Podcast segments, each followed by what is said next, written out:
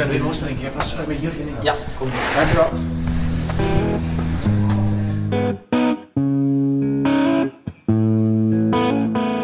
Ben Wim Oosterlink. Welkom bij de podcast Drie Boeken, waarin ik boekenliefhebbers vraag naar de drie boeken die wij volgens hen moeten gelezen hebben. Dit is een aflevering in een reeks van deze podcast gemaakt voor de krant De Tijd, waarin ik bedrijfsleiders en CEO's vraag naar de drie boeken die hun carrière en levenspad bepaald hebben.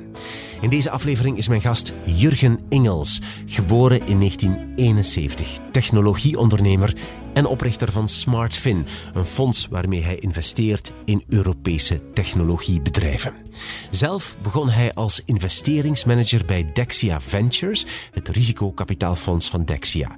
Hij brak door met Clear to Pay, waarmee hij pionierde in financiële technologie. Hij verkocht het bedrijf in 2014 aan het Amerikaanse beursgenoteerde bedrijf FIS. FIS. Nu is hij lid van de raad van bestuur van heel wat bedrijven en heeft hij zijn eigen investeringsbedrijf SmartFin. We hadden afgesproken in zijn privékantoor in Sint-Katelijne-Waver in de bar, waar hij best wel wat belangrijke tijd doorbrengt. Dat vertelt hij zo meteen zelf.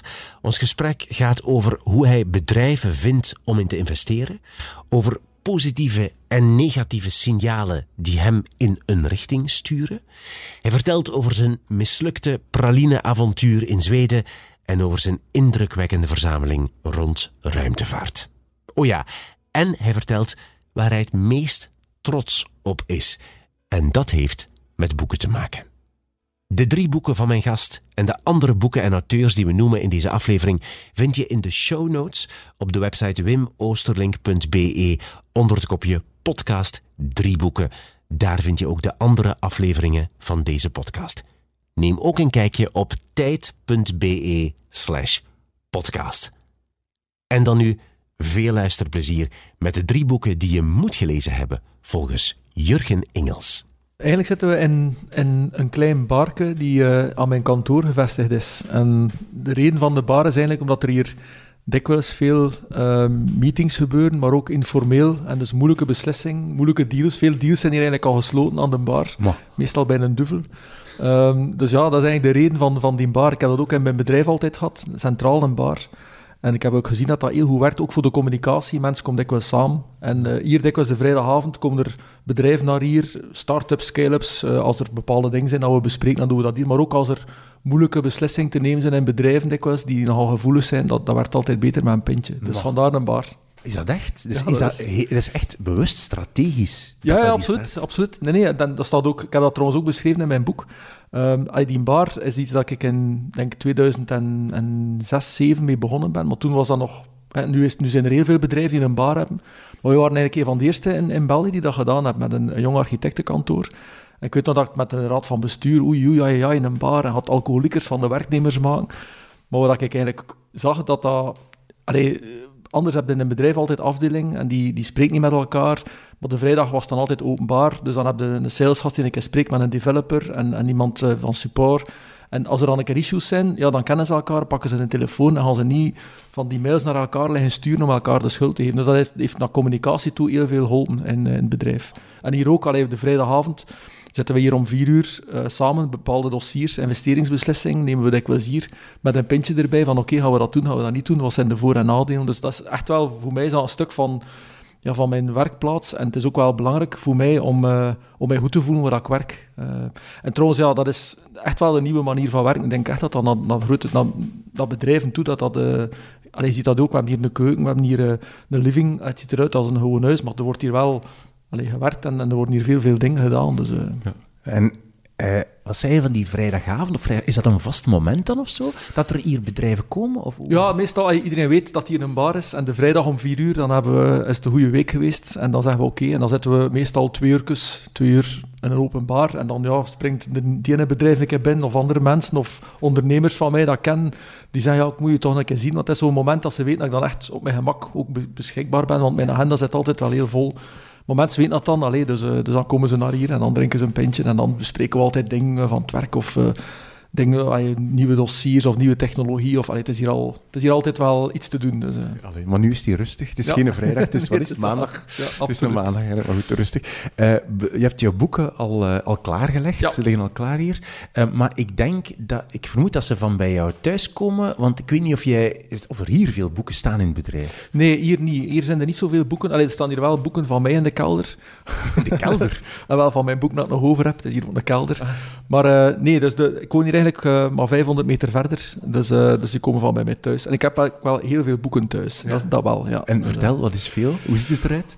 Oh, de, de zolder in mij, bij mij thuis heb ik zo'n een, een hele rij met kasten en dat staat vol met boeken. Al vanaf denk, mijn twintigste dat ik zo wat boeken lees. En ja, ik kom die dan altijd bij. Ik kan die dan niet weggooien of zo. Ik was vol met aantekeningen. Dus, dus ik heb wel veel boeken. eh, heel veel geschiedenisboeken. eh, ook heel veel over economie. eh, maar ook maatschappelijk. Allee, ik, heb zo, ik, ben, ik heb niet zo direct een, een bepaalde voorkeur. Ik lees, ik lees echt heel breed. Alles wat aan mij interesseert. Ik ben nogal geïnteresseerd in veel dingen. Dus, ja, dus ik heb veel boeken. Dus, En wat, hoe bedoel je dan dat de rest in de kelder staat? Wat is dat dan? Die boeken die niet meer op zolder Nee, konden? nee, nee, of dat is mijn boek hè, dat ik geschreven heb. Ah, jouw eigen boek? voorraad, ja, ja, absoluut. Ah. Dus ik heb nog wel wat voorraad van mijn boek hier. Je hebt nog een enorme voorraad in de kelder. enorm is niet zo maar, het zijn er toch nog genoeg. Dus, eh, Ja, oké, goed. We zullen het straks nog even over jouw boek Ja. hebben. En zeggen dat iedereen moet kopen, dan kan je Ja. de, de kelder wel, wel legaal. Nee, goed. Eh, eh, dus wacht, even nog, ik wil even in, detail weten. Dus je boeken thuis staan op zolder. Ja. Maar heb je ook nog boekenkasten elders in huis? Of ja, dat is In, mijn, in mijn bureau heb ik ook een volledige wand met, met boeken. Maar dat zijn zo de boeken dat ik, ja, dat ik nu en dan een keer pak omdat ik iets wil opzoeken of dat ik zeg, tja, dat ik iets wil lezen of zo. Dus degene op de zolder zijn meestal boeken ja, dat ik eh, misschien om de vijf jaar een keer verander. En degenen die beneden staan zijn echt degene dat ik sporadisch een keer lees of s'avonds of de zaterdag zeg van kan ik een stuk lezen in een boek. Ja. Ik lees ook meestal vier, vijf boeken tegelijk, wat dat zeer raar is, maar ik, ik vind dat heel interessant om zo een boek te lezen, een hoofdstuk, twee hoofdstukken, en dan terug naar een ander boek te gaan. Dus, eh, dus ik lees soms door elkaar. En lees je dan wel, lees je boeken volledig of bijna nooit dan? Ja, ik lees altijd wel de boeken voor... Allee, ja, ja. ja dus, het is, tenzij dat het echt een slecht boek is. Dan denk ik van, ja, nee, dat, eh, nee. maar dat, dat gebeurt niet zoveel. Dus, eh. Oké, goed. We gaan eens kijken welke boeken je gekozen Ja. hebt. Drie boeken die belangrijk geweest zijn voor jou en die we dus moeten gelezen hebben. Wat is jouw eerste boek? Ja, het eerste boek eh, noemt Eat, Move, Sleep. Eh, is eigenlijk van, van Tom Rath. Ehm, nu, Tom Rath had misschien niks zeggen, maar dat is eigenlijk een auteur die op een bepaald ogenblik, ehm, ik denk dat hij kanker had, en, en de dokter zei, ja, je zult niet zo lang meer leven.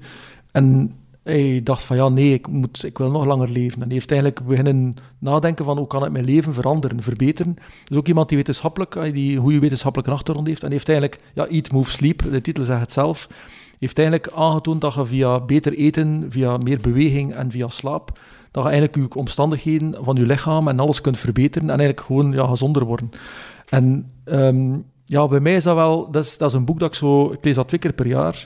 Eh, ik heb die al aan, aan zeker 200, 300 mensen cadeau gedaan, dus ik die dikwijls cadeau aan mensen. Ehm, omdat dat een boek is, denk ik, allee, voor mij toch een heel grote impact gehad heeft. Nu, ehm, het boek zelf, ik denk dat mijn vrouw, mijn vrouw heeft eigenlijk mij geholpen. In die zin, ik was vroeger heel hard aan het werken, veel reizen, veel stress. Allee, ehm, mensen onderschatten dat altijd, dus redelijk ongezond, weinig beweging enzovoort. En toen zei mijn vrouw, die zei, ja, als hij zo doordoet, dan had hij aan nu 50 een hartaanval krijgen en dat zit. Want je zit echt wel niet, niet goed bezig. En dan eh, ben ik eigenlijk ook al begin boeken lezen erover en zo. Van ja, wat, wat is dat nu? eten, wat is het effect van eten? Want dat zijn dingen dat je op school niet leert. je weet dat eigenlijk niet. Ik ben toen eigenlijk wel veel beginnen lezen en ik vind dat boek echt fantastisch. Omdat dat een combinatie is tussen het wetenschappelijke en het verhalende. Dus op een heel simpele manier, het zijn allemaal kleine deeltjes, legt, hij eigenlijk uit, wetenschappelijk onderbouwd. Wat dat effect is van eten op u, wat het effect is van slaap, wat het effect is van beweging. En dat boek heeft altijd, als, als ik dat lees, heb ik altijd zoiets van, ja, ik moet dat doen, maar dat heeft een long-lasting effect. Je weet, in januari heb je dikwijls dan, ja, ik heb voornemens en dan duurt dat twee weken en dan zijn het weer vergeten. Maar als ik dat boek lees, dan weet ik van, oké, waarom dat ik, eh, ik, ik... Ik probeer iedere dag te fietsen, 20 kilometer, 's morgens of 's avonds. Ik probeer gezond te eten, dat lukt niet altijd. Hè. Nu en dan een glas wijn. Eh, en ik probeer ook, ja, Een duvel. te slapen. hè, sorry. Ja. duvel, ja. Maar ik slaap ook acht uur per dag. Hè. Mensen geloven dat niet, maar dat is effectief zo. Sinds jaren slaap ik acht uur per dag en dat doet mij echt goed. En dat boek is, ja, dat is een, dat is een boek die eigenlijk je aantoont waarom dat je dat moet doen en wat dat ook het effect is. En dat je gewoon kwalitatief een langer leven hebt. En misschien niet dat je langer leeft in een aantal, maar gaat gewoon kwalitatiever leven. En ja, mijn vader is ook jong overleden aan een hartaanval.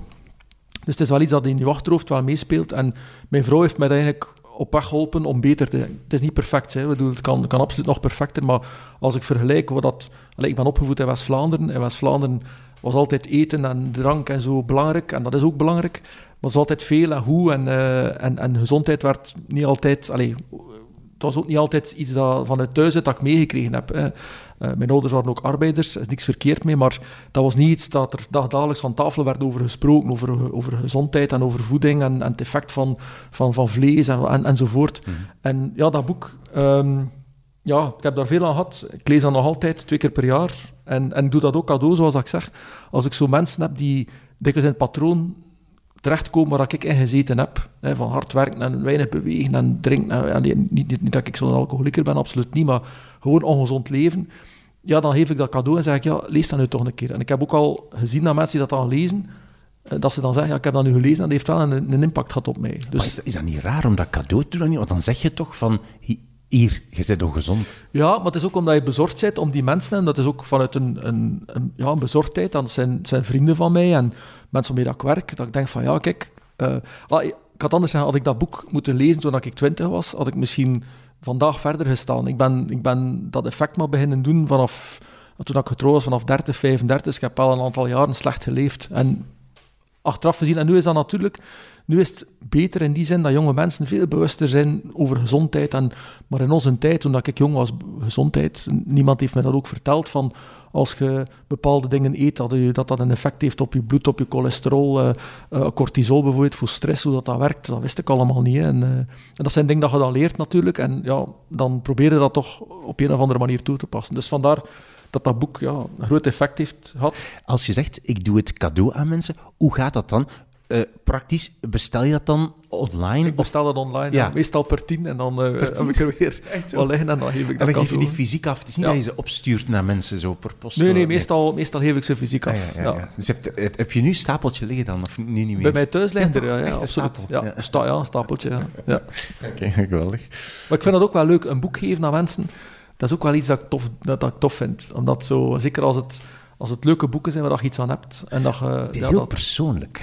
Ja. toch? Als je dat doet, is heel, dat is heel intiem bijna, toch? Ja, maar ik denk, allee, dat, is misschien, dat klinkt misschien raar, maar ik, dat zijn meestal ook wel mensen dat ik, dat ik mij dat dan permitteer om te doen. Hè. Dat zijn ook mensen waar je dat tegen kunt zeggen. En ik doe dat ook niet om belerend te zijn, ik doe dat echt wel vanuit, vanuit een bezorgdheid en ook vanuit, ja, dat zijn, ja, gewoon, dat, dat ik weet dat, dat mensen daar niet altijd bij stilstaan. En zeker jonge mensen, jonge mensen studeren af, willen een carrière maken, werken drie, vier, vijf jaar keihard en, en dan ziet het dikwijls vanaf, vanaf 35, 40 dat mensen allee, gewoon zich laten gaan, bijvoorbeeld. Hè. En ja, als dat kan helpen op een of andere manier uh, gezonder te zijn en beter te zijn, dat is... Mm. Ja, dus... Oké. Okay. Uh, krijg je ook graag boeken cadeau? Of krijg je vaak boeken cadeau? Ik vind dat wel leuk. Ja, ik krijg dikwijls, dikwijls wel boeken cadeau van, uh, van bedrijfsleiders of mensen die vragen om een boek te lezen. die zeggen, ik wilde mijn boek een keer lezen en een commentaar geven op het boek. Hun eigen boek dan? Dat ze zelf geschreven ja. hebben. Nee, dus, uh, um, maar ik vind dat wel leuk, ja. Ik vind dat wel leuk. Alleen mijn vrouw heeft mij ook altijd boeken, omdat ze dan weet van, ja, wat moet ik u geven? Ze weet altijd met een boek dat ze mij altijd heel, heel hard plezier kan doen. Ja, wat dus, geeft ze dan cadeau bijvoorbeeld? Meestal boeken van geschiedenis. Je weet, zo geschiedenisboeken. Um, ik lees nogal graag ook... Uh, ja, dingen over, over de Romeinse periode, dat vind ik heel interessant. Uh, ook biografieën, uh, Napoleon, uh, biografie of Churchill of uh, ja, echt zo de, de, de, koningen van vroeger. Ik vind het altijd wel interessant uh, om te zien. De Bourgondiërs bijvoorbeeld heb ik, heb ik ook gelezen. Een fantastisch boek. Uh, ja, het zijn, het zijn heel veel interessante boeken. Ja, Oké, okay, goed. Vandaar dus de volle zolder. Oké, okay, jouw eerste boek, Tom Rath of Rath, ja. met Eat, Move, Sleep. Wat is jouw tweede boek? Het tweede boek is eigenlijk... het is meer een, een boek, de stock market. Sixth Edition, het is al een heel oud boek. Dat is een van de eerste boeken dat ik ooit gekocht heb. En het gaat eigenlijk over ja, de, de, de markt, de aandelenmarkt. Misschien even, even de, de, de auteurs noemen. Hè. Uh... Ja, Richard Tuelis, Edward Bradley en Ted Tuelis. Ja, okay. uh, ja. Dus een, ja, een boek eigenlijk die, die um, vertelt hoe dat de aandelenmarkt werkt. Hoe werkt Hans het proces van een bedrijf op de beurs brengen, maar hoe werkt dan ook uh, het aan- en verkoop, hoe werken die mechanismen in elkaar, hoe werken opties, hoe werken put-opties, call-opties, hoe werkt Hans dat systeem. Het is een redelijk dik boek. Eh, het is meer een... een, een nou, het, is geen, het is niet iets dat je op je gemak leest. Hè. Het is echt wel iets eh, technisch. Studieboek bijna. Ja, het is een studieboek eigenlijk. Maar, eh, maar ik vond dat een heel interessant boek, omdat het echt u wel wegwijs toont in de markt en hoe dat de markt werkt. En ook daar weer, allee, ik heb eh, opnieuw mensen die aandelen kopen... Ehm, en dan, dan, zie ik vaak, of verbaast mij vaak, dat ze heel weinig weten van ja, wat kopen ze eigenlijk? Hoe, hoe werkt dat zo'n, hoe werkt de beurs? Maar ook, hoe moet je een bedrijf gaan waarderen, gaan evalueren? Hoe bekijkt je dat? En ik ben alleen mijn carrière begonnen bij een bank in private equity en eh, risicokapitaal. Ik kende daar niet zoveel van op dat moment. Dus ik heb toen dat boek gekocht ehm, om echt te, te begrijpen in detail hoe dat, dat werkt. Ik heb dat boek eh, van rechts naar links en van boven naar onder eh, verslonden en alle details en alle berekeningen bekeken en hoe dat, dat werkte. Ik heb er veel uit geleerd. Ehm, en ook veel geleerd nu als ik nu aandelen koop. Ik heb geen een private banker of zo, doe dat zelf. Ehm, maar dat komt ook omdat ik daar een beetje mij goed bij voel, omdat ik ook weet van oké, hoe waarderen bedrijven, hoe, werkt dat, hoe zit dat technisch in elkaar. En ik vind ook dat eigenlijk iedere persoon die op de beurs aandelen heeft, en dat is eigenlijk heel veel mensen, dat ze het op zijn minst een keer zouden moeten zo'n boek lezen. Omdat ik altijd zie, zelfs bankiers, dat die eigenlijk niet altijd goed weten dat het marktmechanisme, dat, dat werkt. Uh, dus vandaar dat boek. En ik heb daar veel aan gehad, uiteraard, in mijn carrière, omdat ik gestart ben in private equity. Dus dat is ook nog hetgeen dat ik vandaag terug doe. Uh, bedrijven evalueren, inschatten, inschatten hoe dat markten gaan, inschatten wat dat de waarde is van een bedrijf, uh, inschatten ook hoe dat ja, concurrentie een impact kan hebben op marges, op contributie, op al die technische zaken. Mm -hmm. dus, uh, dus ja, heel ja. interessant boek. Ja, dat is natuurlijk mijn, mijn vraag. Hè. Nu, um, nu met SmartFin, waar we nu, ja, bedrijf waar we nu zitten, hè, wat jullie doen is eigenlijk, als ik zeg mij als ik mis ben, hè, maar uh, investeren in Europese technologiebedrijven, is wat jullie doen, denk ja. ik. Um, en dus eigenlijk proberen inschatten um, hoe goed een bedrijf het gaat doen. Hè? Of wat, wat de kansen zijn, wat de mogelijkheden zijn binnen een bedrijf. Hè? Ja. Dat, um, hoe weet je dat? Hoe zie je dat? Wat, wat, wat zijn factoren waaraan je ziet of een bedrijf kans maakt? Ja, het hangt een beetje af van de fase waarin dat je zit. Als je spreekt over jonge bedrijven, early stage bedrijven, um, dan is voor mij een van de zaken waar ik altijd naar kijk, is, is de passie van een ondernemer. Um, uiteraard moet de markt moet groot zijn en het product moet goed zijn enzovoort en zo verder, maar mijn ervaring is een beetje dat mensen die echt gepassioneerd zijn, dat die um, automatisch meer willen weten over de dingen waarmee dat ze bezig zijn, als ze er meer over lezen, als ze er meer interesse over hebben, dat ze er ook meer details van weten. En in de ze dan ook meer van weten en gepassioneerd zijn om dingen te realiseren, dat ze dan ook gewoon succesvoller zijn. Dus voor mij is, is passie een hele grote trigger en mensen die echt zo gebeten zijn door iets, hè, gebeten als een hond zeggen ze dikwijls, maar die gebeten zijn door die ondernemersmicroben, dat dat eigenlijk ja, dat dat een, een, een groot effect is. Dus daar kijk ik naar. Uiteraard, we hebben, we hebben mensen in het fonds die dan allee, de analyses doen, die de opvolging, die die cijfers bekijken enzovoort. Allee, ik heb dat ook jaren gedaan, ben er nu allee, ondertussen een klein beetje uitgeroeid, dus ik, ik, ik eigenlijk vooral helikopterview naar, uh, naar het fonds zelf, dus het verzamelen van de middelen voor het fonds, eh, die vanuit institutionele beleggers komen en family-offices. Dus wij, wij krijgen eigenlijk geld van hun en dat geld beheren we en dat geld investeren wij in, in bedrijven. Um, maar het is wel een stuk feeling. Het is, het is heel raar. Je kunt, dat niet, je kunt het niet wetenschappelijk onderbouwen van ja, dat is een goeie, dat is een slechte, maar het is een soort van buikgevoel die voor een groot stuk vanuit mijn standpunt um, een functie is van ervaring. Dus als je, als je dat 30 jaar doet, heb je zoveel dingen zien passeren en heb je zoveel dingen gehad die goed zijn, maar ook dingen die verkeerd gelopen zijn, dat je er heel veel uit leert. En dus door dat leerproces op een duur weten van ja, die persoon met uh, die gasten, dat gaat niet werken. Hmm. En er zijn, er zijn misschien honderd... Zeg, zeg, eens waarom. Zeg eens, geef eens een voorbeeld van... Geef eens niet met naam, uiteraard. Maar zo een voorbeeld van waarom iets niet zou werken. Bijvoorbeeld, allee, er, zijn, er zijn echt honderd triggers. Hè, maar ik geef een, een stom voorbeeld. Um, twee vrienden die hetzelfde gestudeerd hebben, die een bedrijf opstarten. Dat is voor mij altijd minder. Hè, omdat, ja, omdat die dan dikwijls een eenzijdig gezegd hebben. Het zijn misschien twee ingenieurs die fantastische ingenieurs zijn, maar dan missen ze de saleskant. Of twee salesmensen die de technische kant missen. Dus ik probeer altijd te zien naar, naar, naar teams ook die, die wat multidisciplinair zijn. Want ik heb ook, mijn ervaring is dat dat dikwijls de grootste kans op succes is. En uiteraard, je moet ook geluk hebben. Geluk is ook een factor. Hè. Dat is een belangrijke factor trouwens in, in, in ondernemerschap. Maar ik denk dat die... Ja, dat is bijvoorbeeld iets waar ik naar kijk. Hè. Bijvoorbeeld, een ander voorbeeld is als iemand zijn bedrijf komt pitchen. En ze zijn met twee, drie. Hè. Je hebt daar een CEO staan die, die alleen maar spreekt. En de anderen staan er zo wat bij gewoon voor de show. Ja, dat zijn ook triggers bij mij. Dat zijn, dat zijn dingen die, die bij mij opvallen. Maar dan weet ik, ah, die CEO, dat zal misschien toch een klein beetje een ego-persoon zijn. Dat zal moeilijker een teamspeler zijn. En, en soms is dat nuttig dat je zo bent, maar soms is het ook niet nuttig. Dus dan hangt het weer af natuurlijk welk soort bedrijf, welke sector. Dat zijn ja, kleine dingen waar ik naar kijk, die gebaseerd zijn op een stuk ervaring. Waar dat, je, dat staat niet in een boek of zo, maar dat zijn toch dingen dat je weet, zijn correlaties, dat je weet van ja, dat heb ik gezien, dat werkt niet, dat heb ik gezien, dat werkt ook niet. En als je dat, dat gebeurt hier. Hè? Dus, dus ik, sorry, ik probeer dat voor te stellen. Dus het bedrijf komt hier voor een voorstel doen en jij ziet wat je nu vertelt. Hè? Zeg je dat dan ook? Zeg je ook van, of, of zeg je gewoon van, ja, nee, doen we niet, zonder reden. Hoe gaat dat? Ik weet niet hoe dat gaat. Ja, dus meestal is dat... Uh Meestal is dat informeel. Dat is, nooit, allee, dat is dikwijls formeel, maar het is heel dikwijls ook informeel. Dus je leert die bedrijven kennen op een conferentie of uh, je hebt een vriend die die kent en, en, en dan dikwijls de vrijdag komen ze dan naar hier. Hè. Hier, ja, ja, kom maar een keer af hè, en dan, dan spreken we een uur gewoon vrij over een markt en een product. En, en, en dikwijls kun je daar al... Allee, dan, ja, dat is dan dat gesprek, kun je dikwijls triggers zien en voelen. Het is niet zo dat het heel formeel gebeurt. Ah, Mensen denken altijd dat ze formeel pitchen, zoals op televisie. Ja, ja zo, zo in vergaderzaal, maar dat is niet. Eigenlijk is dat niet zo. Eigenlijk is dat heel informeel. Ja. Dikwijls dat, dat ze gewoon komen en dat je een gesprek ermee hebt. Uh, dikwijls dat, dat, dat, dat, uh, dat, ze hier gewoon ook komen uh, in de zetel en dat we gewoon een gesprek hebben, een open gesprek over, over een, een markt, een product, wat dat een drijft, waarom dat ze denken dat dat de juiste, de juiste visie is, of waarom dat dat product is dat ze aan het bouwen zijn en waarom dat ze het doen. Dus ja, en, op basis van het gesprek kunnen dikwijls heel hard afleiden van ja, dat gaat werken, dat gaat niet werken, was, was de ervaring van die persoon, was um, bijvoorbeeld nog iets, allee, een beetje contra-intuïtief, maar mensen zouden denken, wat is de ideale leeftijd om te starten? Dan denkt iedereen, ja, een twintiger is toch het grootste succes om succesvol te zijn, zijn die twintigers. Je luistert naar drie boeken met Jurgen Engels, even onderbreken, je hoort het vervolg zometeen. En eigenlijk is dat niet waar. De beste leeftijd om te starten is rond de 45 jaar om een bedrijf op te starten. Ja, exact. En dat is, dat is helemaal onderbouwd. Ze hebben daar studies in gedaan in Harvard. En de logica is eigenlijk dat je, als je 45 bent, heb je eigenlijk al wat waterkens doorzwommen. Heb al een stuk ervaring.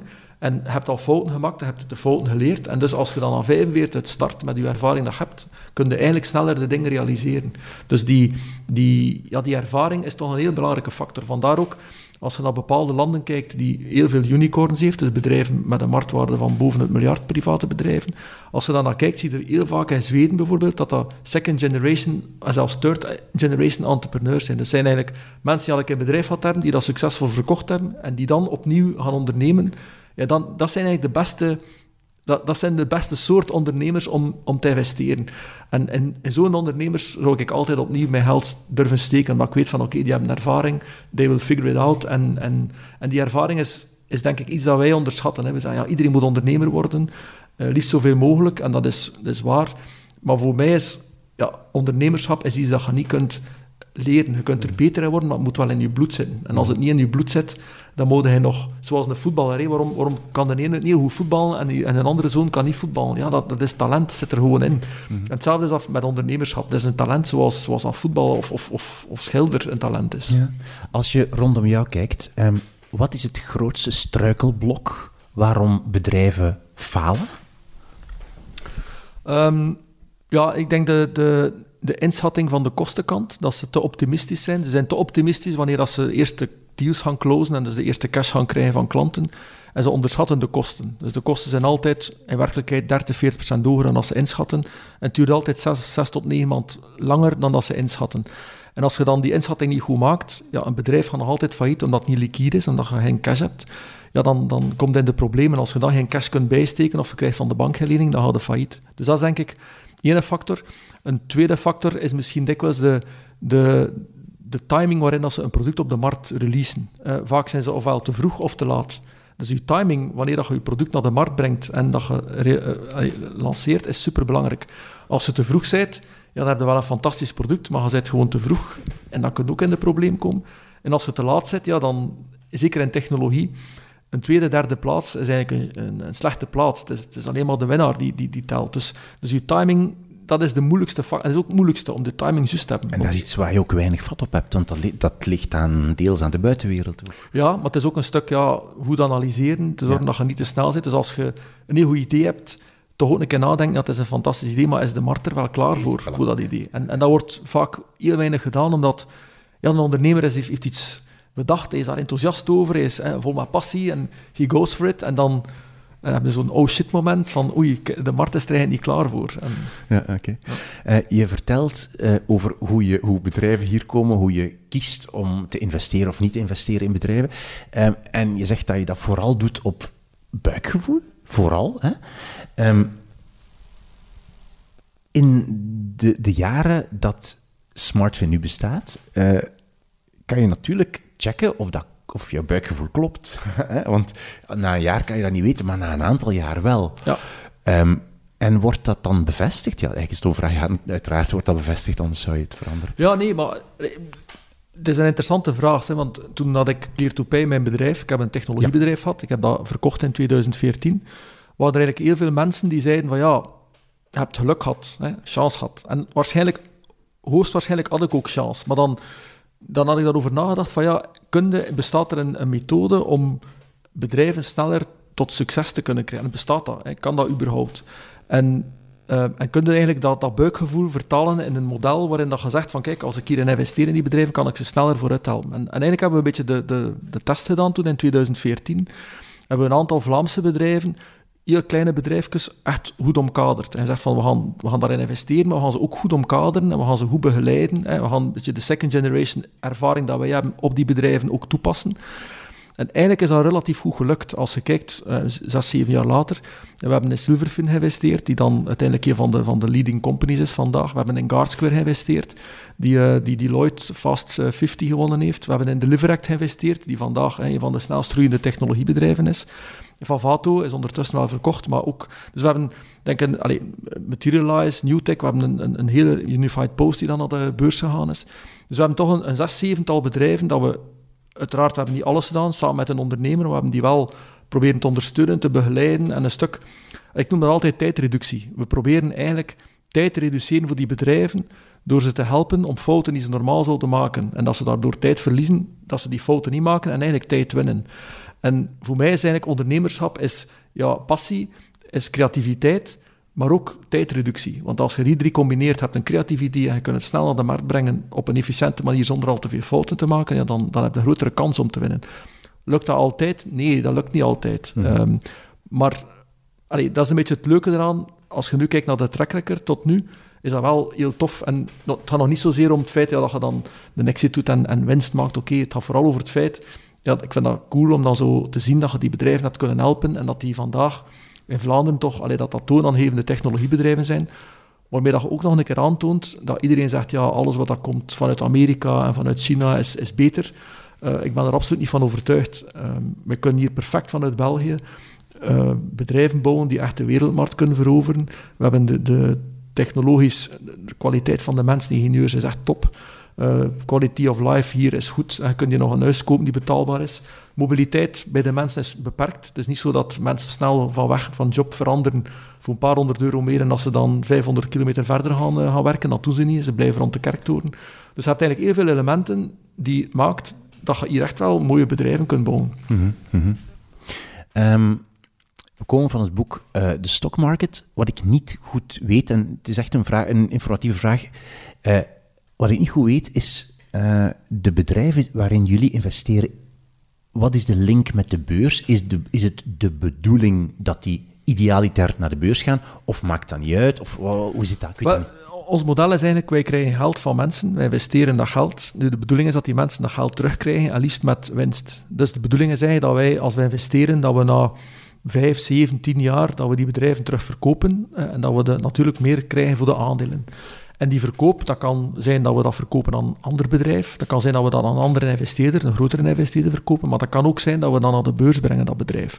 Dus we hebben dat nu al twee keer, we hebben dat met Materialize gedaan op Nasdaq, dus de Amerikaanse beurs. We hebben dat met Unified Post gedaan hier op Euronext. Dus dat waren twee van onze bedrijven. Dus het, team is wel een beursintroductie. Maar dat, dat hoeft niet zo te zijn. Okay, ja. uh, Newtech bijvoorbeeld was een ander bedrijf, dat hebben we verkocht aan een grote groep uit Singapore. Uh, maar het is een kwestie van wel een exit te doen op een bepaald ogenblik. Dus we zijn, we zijn echt wel een fonds die op 10, 12 jaar werkt en dan exits doet binnen, binnen die periode. En niet alleen het fonds, maar allee, zelf heb ik ook al heel veel bedrijven privé geholpen en, en investeer ik ook mee vanuit mijn privémiddelen. Ehm, met dan de middelen die ik vanuit Clear to Pay gekregen heb. Dus ik investeer ook heel veel in de Vlaamse economie. Eh, ik denk dat, ik heb dat ook op het moment van de exit bij mijn vrouw gedaan. Ik heb aan mijn vrouw gezegd, hier heb je wat geld eh, voor u en de kinderen en, en ook voor ons en voor het gezin. En als ik het u vraag, geef het mij nooit, ook al smeek ik op mijn knieën, geef het mij niet. Uh, om te zorgen dat we, allee, dat we verder kunnen leven op een goede manier. En met de rest uh, investeer ik, doe ik mijn hoesting en investeer ik opnieuw. En als ik nu kijk, ik denk dat ik 90% van de middelen opnieuw in de, in de economie geïnvesteerd heb. Dus in, in bedrijven, in aandelen, in het bouwen van, van smartphones, maar ook heel veel geïnvesteerd in verschillende technologiebedrijven. Uh, soms met, met succes en soms zonder succes. Ah, ja, ja. Uh, maar wel, dat, is, dat is het leven ook. Maar is de balans positief dan? maar ik denk, em, eh, financieel. emotie- Nee, nee, ja, maar- financieel is oké, maar ik denk dat ook vooral, ehm, ja, ik, ik heb daar veel voldoening aan. Dat, dat is, dat is misschien raar om te zeggen, maar dat, dat, dat geeft mij een goed gevoel. Ja. Eh, en dat is ook wel een stuk van het leven, hè, want uiteindelijk, at the end of the day, ehm binnen 100 jaar zijn we hier niet meer, en of je dan veel geld of niet, dan maakt het verschil niet uit. Maar dat gevoel, denk ik, dat je hebt, dat, dat, dat, is wel, dat vind ik wel tof. Ja. Ik wil nog even terug naar, eh, je noemde Clear to Pay al. Ehm, iets, dus een eh, betaaltechnologie die jij ontwikkeld hebt en verkocht hebt aan een groot Amerikaans bedrijf. Hè? Ik heb nog een vraag over iets dat ik, weer, weer iets dat ik niet snap. Ik ben zo blij dat ik dat nu kan vragen. Eh, als je dat doet, als je zo Clear to Pay verkoopt aan een Amerikaans bedrijf, hè, ehm, blijft dat dan bestaan? Dus Clear to Pay bijvoorbeeld, bestaat dat nu nog? Of wordt dat dan helemaal opgezwolgen door de Amerikaans en doen die dat weg? Of blijven die dat gebruiken? Hoe zit dat? Ik snap dat niet. Ja, eigenlijk, het bedrijf bestaat nog. Ehm, want we hadden, we dus een gebouw in, eh, in, in Diegem. Eh, dat was eigenlijk trouwens een, een mooi gebouw met een bar, een fantastisch goede bar. Ja. En, en oorspronkelijk waren de Amerikanen van plan om, eh, om een headquarters elders te plaatsen, maar toen dat ze ons gebouw zagen. Ja, zeiden ze van ja, dat is toch wel heel mooi ingericht. Dus, eh, dus het, het gebouw bestaat nog altijd. De, nog heel veel mensen die, die voor mij gewerkt hebben, werken nog bij Clear to Pay. Het bedrijf doet het trouwens ook heel goed. Ik denk dat ze heel tevreden zijn, want ik heb onder, ondertussen gehoord dat er een van de deals dat ze gedaan hebben, quasi eh, de helft was van het bedrijf, van, van het bedrag dat ze aan ons betaald hebben. Dus ze hebben gigantische deals gedaan in de jaren voordien. Ik denk ook wel achteraf gezien hebben we misschien net iets te vroeg verkocht. Hè? Want, want we hebben eigenlijk verkocht net voordat fintech en, en Hans de, ja, de crazy wat multiples op, eh, op technologie er waren. Nu, langs de andere kant had ik nog moeten blijven zitten met Clear to en misschien veel meer gehad hebben. Maar ja, ik had dan andere dingen niet kunnen doen. Dus, maar ze zijn nog altijd heel tevreden. Het bedrijf bestaat nog. Het is een onderdeel van, van FIS. En eigenlijk is FIS, dus VIS, die eigenlijk de, de Amerikaanse koper is, heeft nu eigenlijk zijn Europees hoofdkwartier hier in, eh, in, in België. Ondertussen is dat bedrijf ook sterk gegroeid. Dus, eh, dus ik heb de indruk dat ze wel... Allee, het product bestaat nog. Het wordt nog altijd gebruikt. Dus eh, de settlement gebeurt nog altijd met dat product. Wat dat op zich ook wel cool is. Dat is toch wel, dat is wel belangrijk, denk ik, toch? Als je dat gewoon verkoopt en dat is weg, dat lijkt mij zo... Allee, Ja, ik val daar nog wel op. Maar ik, ik ben ook wel... Ik heb daar wel emotioneel geen... Allee, het is niet dat ik dat nog... eh, voor mij is dat ook... Ik heb het verkocht, ik heb het verkocht en that's it. En, en we move on. Dus, ik kan daar afscheid van ja, ja. ja. Oké, goed. Ehm, in jouw boek eh, heb ik gezien dat jij ooit pralines proberen verkopen hebt in Zweden. Misschien moet je dat wel eens vertellen, daar ben ik toch wel benieuwd naar. Ja, dat is eh, een, grappig verhaal. Allee, ook om eraan te tonen dat niet alles wat ik gedaan heb succesvol is. Ik heb ook... eh, ik werd op een bepaald ogenblik in Zweden ehm, voor een bedrijf waar ik in de raad van bestuur zat. En ik zag eigenlijk dat ze daar vooral blokchocolade aten. En maar geen pralines. En ik dacht van, allee, dat is toch raar dat er hier geen pralinenwinkels zijn. En dat ben, ik- ben zien. En inderdaad, eh, en hoe meer ik ernaar keek, hoe meer ik vond dat er een opportuniteit was. Ehm, en dan hebben we echt alles bij de boek gedaan. Hè. Ze volledig marktonderzoek gedaan van de pralines. We hebben mensen laten kiezen, eh, laten proeven. We hebben gezegd, zouden die prijs betalen? En, en Zweden was wel interessant, omdat eigenlijk ja, de, de prijs van de pralines was twee keer zo hoog, omdat de levensstandaard daar duurder is. Hè. En de, de kost van salaris is 25% hoger. Dus had gewoon een betere marge dan in België. Hè. Twee keer zo hogere prijs, 25% meer kost, meer marge. Dus dacht van ja, dat is een, dat is een interessante markt. En dus volledig marktonderzoek gedaan, de kleur, de dozen, de, echt alles, alles, alles bij de boek gedaan. En dan een eerste fout gemaakt, zeg van ja, dat, dat zit hier goed. Hè. De licentie gekocht van, eh, van Leonidas voor Zweden. Eh, en we gaan van eerste keer in Stockholm drie mooie, prachtige winkels open doen. Dus we hebben dan serieus geïnvesteerd, en toch een redelijk bedrag. Drie heel mooie winkels, fantastisch schone winkels. En de, de dag van de opening van de winkels was ik in Stockholm. En letterlijk, er stond allee, 300 man voor die, voor die winkel en de andere winkels ook. Dus, dat was, dus ik dacht, ja, I'm gonna be the chocolate king of Sweden. Hè? Dus, eh, maar, maar de deuren gingen open en de, de eerste Zweedse vrouw komt binnen en, en die kijkt naar die pralines, naar die toog, een fantastische toog. En die, die wijst met haar vinger naar één praline. En ik dacht van, Wat is dat nu? En die kocht dus één praline. En de volgende twee pralines, en één praline, en drie pralines, en één praline. En dus wat bleek eigenlijk? Dat we ons verkeken hadden op het feit dat ja, in West-Vlaanderen, dan koopte, als je naar de winkel gaat, koopte een halve kilo of een kilo.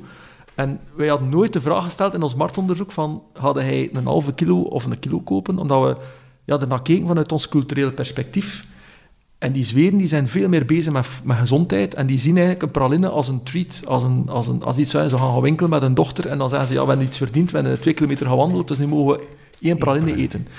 En dus ja, onze business case was totaal verkeerd, want de prijs was wel twee keer zo hoog en de kosten waren 25% hoger, maar het volume was tien keer lager dan dat we ingeschat hadden. En dus we, we hebben uh, zes, zes maanden later, met veel pijn in mijn hart, heb ik de winkels gesloten. En ik heb daar een heel, dat is een heel goede les geweest. Enerzijds, één, dat je, zelfs al doe je volledig marktonderzoek, dat je je altijd nog kunt vergissen. En twee, als je onderneemt, dat je je eigenlijk moet in de cultuur van, van degene die de ontvanger van je klant moet zetten. En dat is heel moeilijk. Uh, dus ja, maar ja, ik heb er veel van geleerd. Dus, uh. Een verhaal.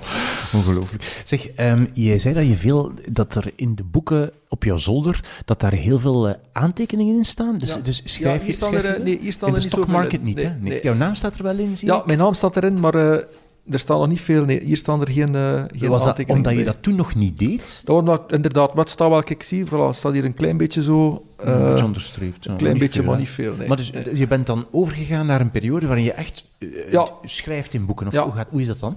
En wel, meestal effectief aan de zijkant schrijf ik dan zo bepaalde dingen die, die belangrijk zijn of interessant zijn, zodat als ik het boek terugneem later, dat ik onmiddellijk weet, ah ja, ik heb dat al gelezen, en wat waren dan de opmerkingen en, en dat en dat. En ik was ook dat ik iets gelezen heb en ik denk van, ja, tja, dat is interessant, waar heb ik dan nu weer gelezen? En dan, dan zoek ik in de boeken. Ah, ja, oké. Eh, Ja. Dus je zit niet in met de properheid van een boek, dat is echt gebruiksmateriaal. Maar dat, ook, dat, is, dat is er toch al... Ja. Je ziet ook dat dat redelijk eh, wat gelezen is. Dus, ja. Hetzelfde als hetzelfde met eh, het volgende boek. Ah ja, oké, we gaan naar het volgende. We gaan naar het derde. Dus het tweede was The Stock Market van ehm, ja, Tuelis, Bradley en Tuelis. Ja. Sixth edition is dit. Maar goed. Wat is jouw derde boek? Ja, mijn derde boek is eigenlijk, is eigenlijk een, een, een deel van, ehm, van een onderdeel van boeken. Het is eigenlijk de encyclopedie van de wereldgeschiedenis. Ehm, ik, ben, ik ben heel hard gefocust op geschiedenis. En dat is eigenlijk zes delen. Dus er zijn zes delen van. En dat begint dus vanaf de prehistorie tot aan de 20e eeuw. En ja, dat gaat eigenlijk over de, geschiedenis, de wereldgeschiedenis. Hè. En, En dit is deel Dat is deel 1. Dat is, vanaf prehistorie, tweede eeuw voor Christus. Het is van Sesam. Sesam deel Ja. één, ja. En er zijn er zes, hè. dus de eerste eeuw, de renaissance, 17e eeuw, 18e, en dan 18e, 19e en de 20e eeuw. Mhm. Ja, ik, ik, ik hou van geschiedenis en dat boek hier is, ehm, of die reeks is fantastisch. Ik weet zelfs niet of je ze nog kunt krijgen. Ehm, maar het is fantastisch omdat dat zoals een roman leest. Dus dat is geschiedenis, maar heel feitelijk, dus exact feitelijk, zoals dat, dat, dat correct is, maar altijd de verhalen erachter. De, de dingen die je... En als je het leest, is het precies alsof dat je...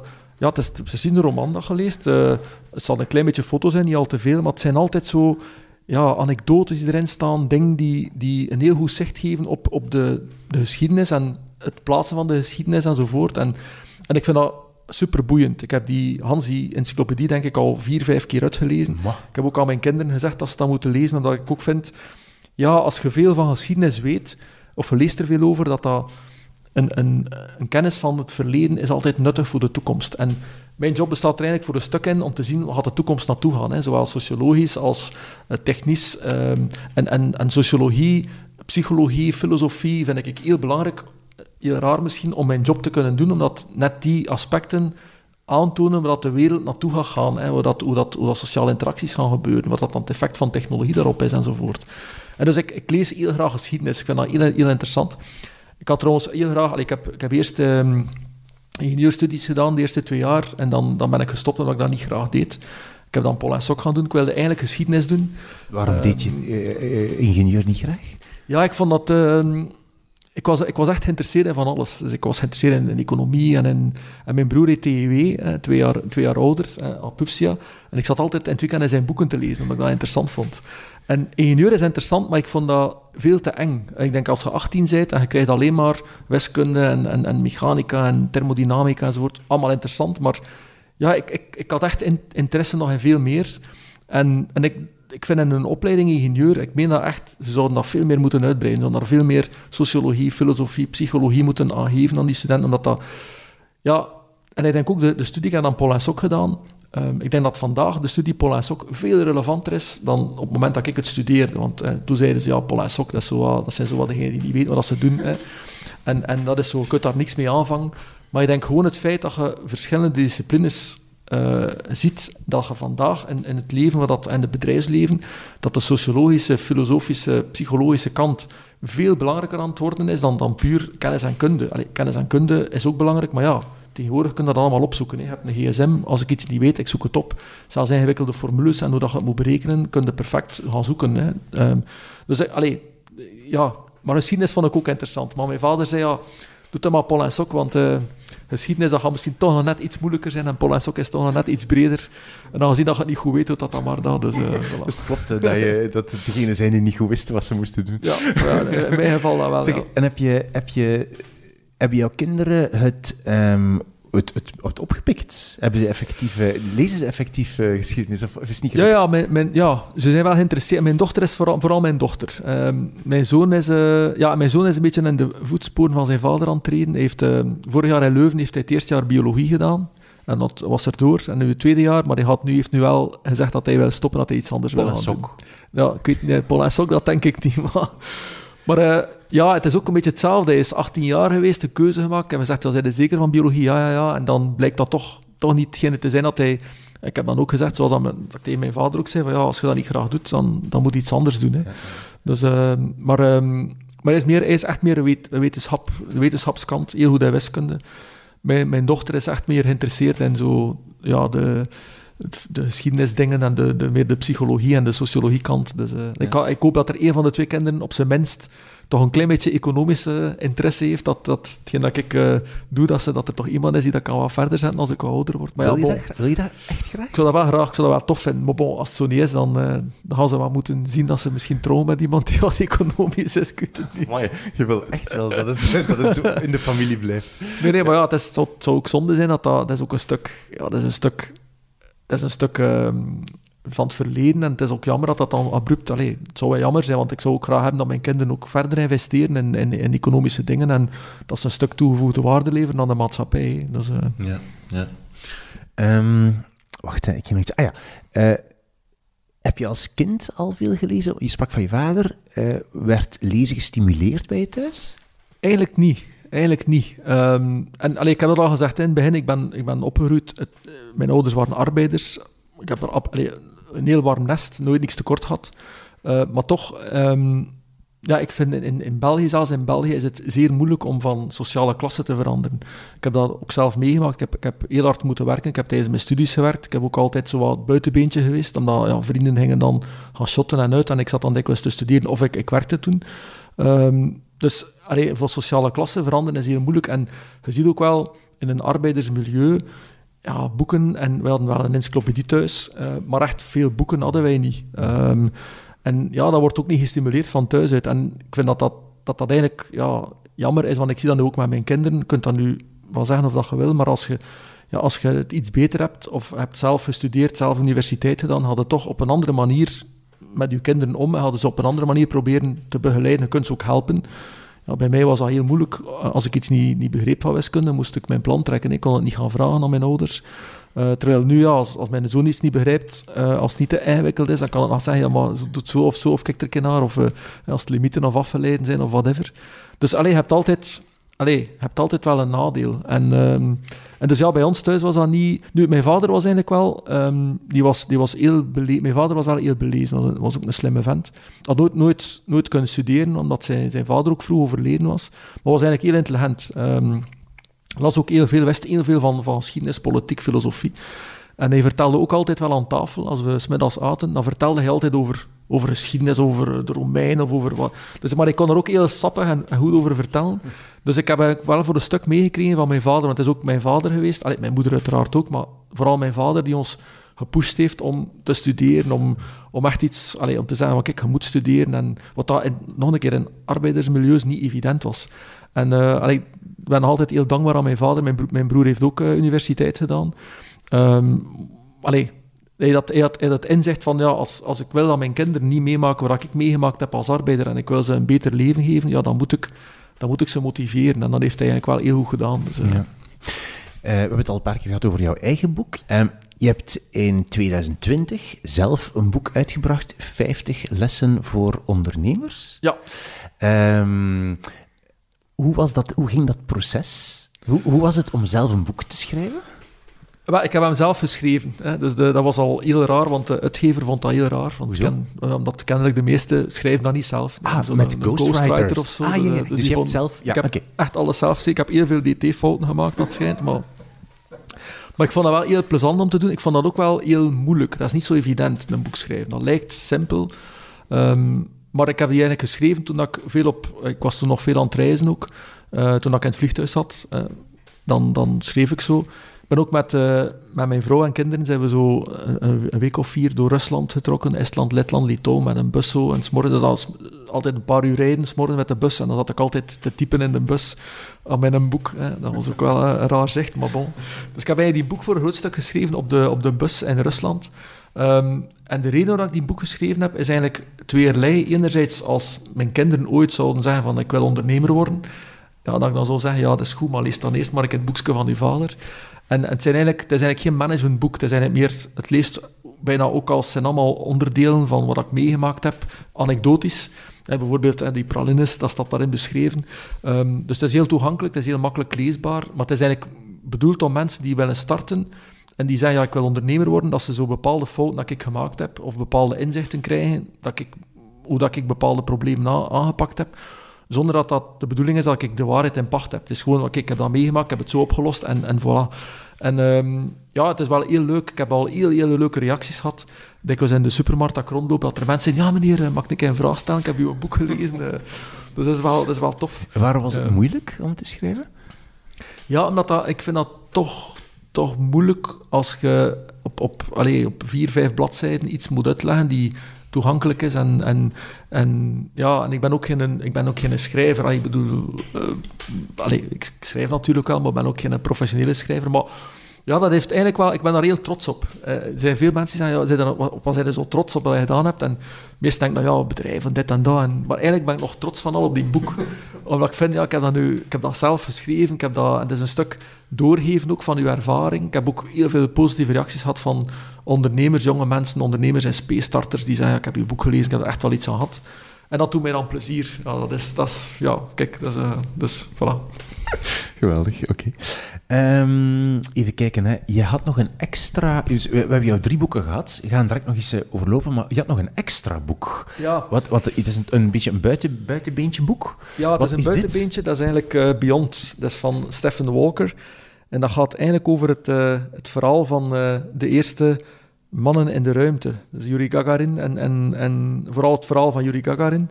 Ehm, ik ben zelf gefascineerd door ruimtevaart, al, al van, van, van, toen dat ik klein was. Ook eh, mijn vader opnieuw. Mijn vader had zo'n Apollo op zijn bureau staan. Dus eh, die vertelde altijd over dat die motoren werkten en zo. Dus, eh, en, dus ja, ik ben eigenlijk... daarin echt wel gefascineerd. Ik lees daar ook veel over. Ehm, hier staan er bijvoorbeeld wel hè, notities Ah, in. hier staat in potlood, ja. eh, maar zo echt zo aangeduid en dan tek en dan schrijf Ja. eronder geschreven. Ja, Ja. ja. En dus dit is gewoon... En je, hebt, je, je leest graag boeken over ruimtevaart. wel, maar ik heb ook... eh, ja, niet alleen dat, maar ik heb ook... ehm, ik heb ook in de laatste twintig jaar heb ik dingen verzameld van ruimtevaart. Hè, van astronauten, van weduws van astronauten. Toen was dat allemaal betaalbaar, konden dat kopen. Dus heb Hoezo? Hoezo? Wat van, wat van van alles en nog wat. Die man Dus, van eh, nieuws. bijvoorbeeld... allee, Kleren of zo van video's. Nee, nee, maar nee, eigenlijk brieven bijvoorbeeld. eh, Oké. maar ook ehm, eh, insurance covers. Dus ik weet niet of je dat weet, maar toen dat de astronauten naar de ruimte gingen, ja, dan konden ze geen verzekering krijgen. En dan had de NASA eigenlijk een soort van enveloppes met dan de handtekeningen, met dan de first day cover, met eh, speciaal embleem op enzovoort. En de NASA liet die ondertekenen door de ruimtevaarders. En dat was dan eigenlijk als in verzekering, in het geval dat ze niet zouden terugkomen, dan konden hun weduws eh, dan dat verkopen op de markt en gingen daar geld voor krijgen, dat die dan uniek waren. Op die manier. Ah, ja, ja. en dus van elk van de Apollo-serie bestaan zo'n insurance covers, de meestal drie, eh, van Apollo 7 tot 17. Dus er staan een dertigtal in, in de wereld en ja, die worden, je kunt daar niks mee doen, maar dat is wel cool natuurlijk. En ik heb, denk van de 30 heb ik er denk, ondertussen 4 of 25, ik heb er nog een stuk of 5 tekort. Wat? Je hebt die Ja. bijna allemaal. Ik heb- ja, maar ja, dat is, ik kan daar niks mee doen. Hè. Maar dat is, wel, dat is wel heel cool. Dus dat is wel tof. En dan heb ik eigenlijk ehm, een maand of vier terug, vijf terug, heb ik, eh, heb ik een dertigtal eh, replica's, één op één replica's gekocht van de NASA. Ehm, Van, ja, van wat, van raketten? Of, Ja, eh, ja. mooi. dus ik heb eh, een veertigtal ja, grote dingen. eh, onder andere een maanlander bijvoorbeeld. eh, 9 meter, 7 meter eh, en dan 6 meter hoog. Echt een fantastisch ding. Dus- Maar wa- waar zet je dat dan? Waar ik heb een magazijn gekocht in Lier. Om, dat te kunnen zetten. Om dat te ja. Dus je hebt een magazijn wat een soort tentoonstellingsruimte is voor... Nee, dus dat staat gewoon vol. Is een magazijn, dat staat van boven tot beneden vol, 10 meter hoog, met allemaal houten kisten, eh, waar dat die dingen in zaten. Het was eigenlijk een tentoonstelling, die, die, ah, het waren eigenlijk stukken van de NASA, dat de NASA gemaakt heeft om tentoon te stellen. Dus tentoongesteld geweest in, in Azië, eh, onder andere in Sydney en in Hongkong. Maar dan is het bedrijf, een Fins bedrijf, is failliet gegaan omwille van COVID. En dan is dat verkocht geweest via Troostwijk, een internationale auction. En dan heb ik het geluk gehad dat ik dat wist en ik heb dat dan kunnen kopen. Een heel, heel verhaal, want ik moest dan die dingen vanuit Finland importeren in België. Dat, dat, dat alleen al is een, evident was, een, was, een, was een avontuur op zich. Maar ik ga dus daarmee in Antwerpen, in- in de expo, had ik, een- ah, is de bedoeling dat we een tentoonstelling gaan doen over ruimtevaart. Dus verleden, heden en toekomst van de ruimtevaart, de rol van technologie in ruimtevaart en dan de rol van België daarin. Dus, eh, dus eigenlijk met de bedoeling om ja, te inspireren, om maar jongeren op weg te zetten, dan ook te zien van ja, ruimtevaart is echt wel cool. Dus eh, Wat een verhaal. ja, dat is wel, dat is wel leuk, ja. maar je, maar ehm, je bent eigenlijk toch een beetje een, de Elon Musk van, van Vlaanderen. Nee, nee, nee, nee ja, maar, absoluut wa- wa- maar wacht eens, wacht eens. Ja, maar begonnen, wacht. eh, allee, ik zou je, maar, mi- misschien mag ik het zeggen, maar rijk geworden door betaaltechnologie? Ja, Bij Elon opzicht. Musk, PayPal, Ja, bij jou dat Clear to opzicht, Pay. maar- En Ruimte, eh, die is, hij is ook redelijk geïnteresseerd in ruimtevaart. Ja, dat is, dat, dat, is, een- dat is een feit. Ja, ja, dat is een feit. Nee, nee, maar ik denk, allee, Elon Musk, ik vind dat wel een, een heel interessante persoon. Hè. Fantastisch wat hij gerealiseerd heeft. Eh, ik heb daar ook trouwens heel veel respect voor. Ehm, maar allee, no stretch of the imagination. Ik ben al heel blij dat ik in, in het kleine Vlaanderen dan toch al iets heb kunnen doen, ook voor de bedrijven, en, en iets kan realiseren. En, ehm, maar we, wonen in Vlaanderen, nee, eh, helaas. Maar maar aan de andere kant, allee, dat, die tentoonstelling is echt ook wel... Ik heb ook eh, een jaar of drie geleden heb ik Supernova georganiseerd, wat een technologiefestival was in Antwerpen. is er uiteindelijk 35.000 mensen naartoe gekomen. Dat was eigenlijk fantastisch. Ehm, en het is ook een, een kwestie van mensen ook een beetje te inspireren, om te zeggen, ja, technologie is belangrijk. En op dat vlak ook vind ik, we zijn, iedereen spreekt over technologie en de toekomst, maar we zijn nog maar op 0,001% van de werkelijkheid. Ik denk dat we hebben nog niks gezien. Dus eh, de, de impact de komende jaren op vlak van gezondheidszorg, op vlak van ja, mobiliteit, op vlak van ook milieu, wat dat technologie zal doen. Ik denk, eh, we have not seen anything yet. Dus vandaar ook dat ik vind dat het belangrijk is dat, dat, dat kinderen zich openstellen, dat ze daarmee geconfronteerd worden in een vroege leeftijd en dat ze daar interesse voor hebben ook. Dus, eh, Oké. Ehm, wil jij jouw drie boeken nog eens herhalen? Dus Beyond van Stephen Walker was Ja. het extraatje. Ja. Wat zijn jouw drie boeken? Wat is jouw eerste boek? het eerste was dus van eh, Tom Rath, Eat, Move, Sleep. Oké. Het tweede boek was The Stock Market, eh 60th edition, van eh, de gebroeders Tuelis. En het derde boek was eigenlijk een, één deel van een eh, reeks van zes boeken, de Encyclopedie van de Wereldgeschiedenis van, van Sesam. Ja. Ehm, wat ben je nu aan het lezen? Eh, ik ben iets aan het lezen over eh, Mary Stuart. Eh, dus de bio- biografie van, van Mary Stuart, een Duitse, ik ben even zijn naam vergeten, een Duitse auteur, ehm, over, over haar leven. Dus over haar leven, hoe dat ze ja, dan uiteindelijk wat beland is waar ze beland is. eh, en maar ook over hoe dat zij Schotland behandeld heeft, Frankrijk. eh, heel interessant ook. Dus eh, het leven van Mary Stuart. Dan, Oké. eh, en nog één vraag. Ehm, wat is het eerstvolgende wat je nu gaat doen? Wat staat er nu op jouw agenda, dus na mei? Ehm, na mij is de voorbereiding van de Raad van Bestuur. Ik heb een Raad van Bestuur binnen een paar dagen van eh, Materialize. En ik heb daar een hele grote bundel documenten van, dat ik moet mee doorworstelen. Dus dat is eh, straks, werk voor straks. Oké, Veel succes en dankjewel voor jouw drie boeken. Graag gedaan. Dit was mijn gesprek met Jurgen Engels, een speciale aflevering gemaakt voor de krant De Tijd, waarin ik bedrijfsleiders en CEO's vraag naar de drie boeken die hun carrière en levenspad bepaald hebben. Check de website van De Tijd voor meer podcasts, tijd.be slash podcast. En ga naar de website wimoosterlink.be voor de show notes bij deze aflevering. Daar vind je de drie boeken die Jurgen Engels gekozen heeft, alle andere boeken die we noemen in deze aflevering en een foto van zijn boekenkast. Je vindt daar ook alle andere afleveringen van deze podcast.